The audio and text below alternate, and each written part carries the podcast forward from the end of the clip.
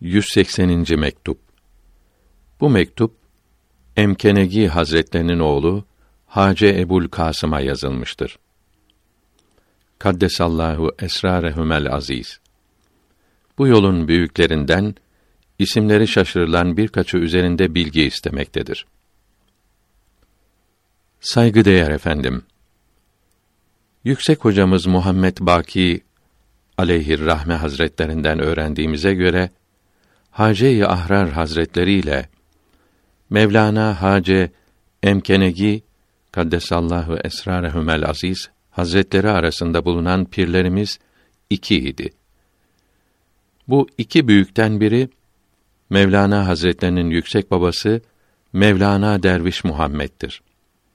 İkincisi Mevlana Derviş Muhammed'in dayısı Mevlana Muhammed Zahid'dir.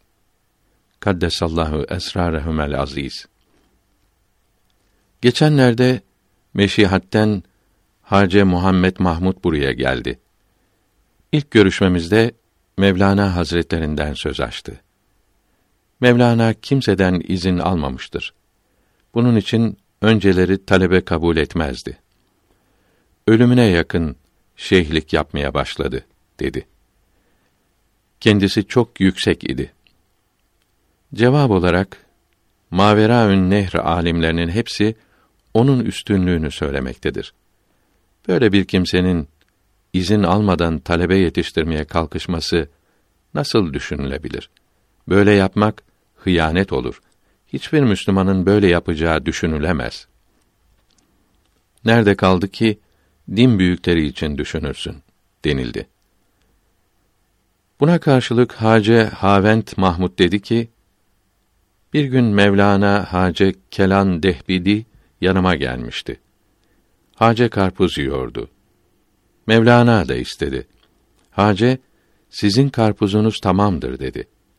Mevlana da, karpuzumuzun tamam olduğuna siz şahit olur musunuz? dedi. Evet, karpuzunuzun tamam olduğuna şahit olurum dedi.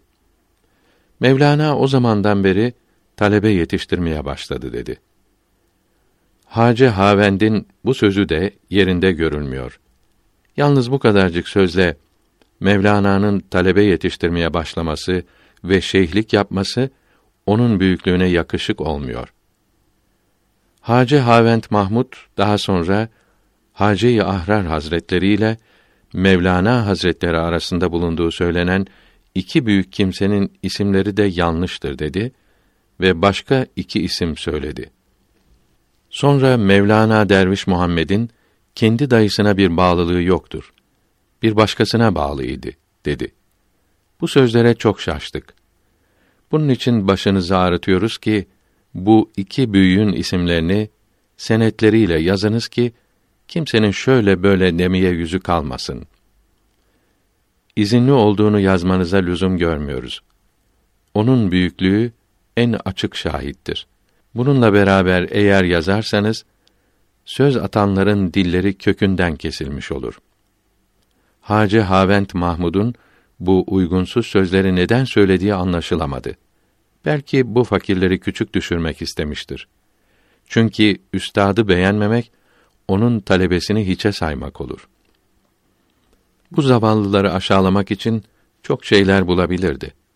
Bunu yapabilmek için din büyüklerine leke sürmesine ne lüzum vardı? Yok başka şeyler düşünerek büyüklerin kendilerini gözden düşürmek istediyse bu daha çirkindir. Az bir anlayışı olan bu çirkinliği hemen sezer. Ya Rabbi, doğru yolu gösterdikten sonra sen bizi sapıtmaktan koru. Rahmet hazinelerinden bizlere ihsan eyle. Sen büyük ihsanlar sahibisin.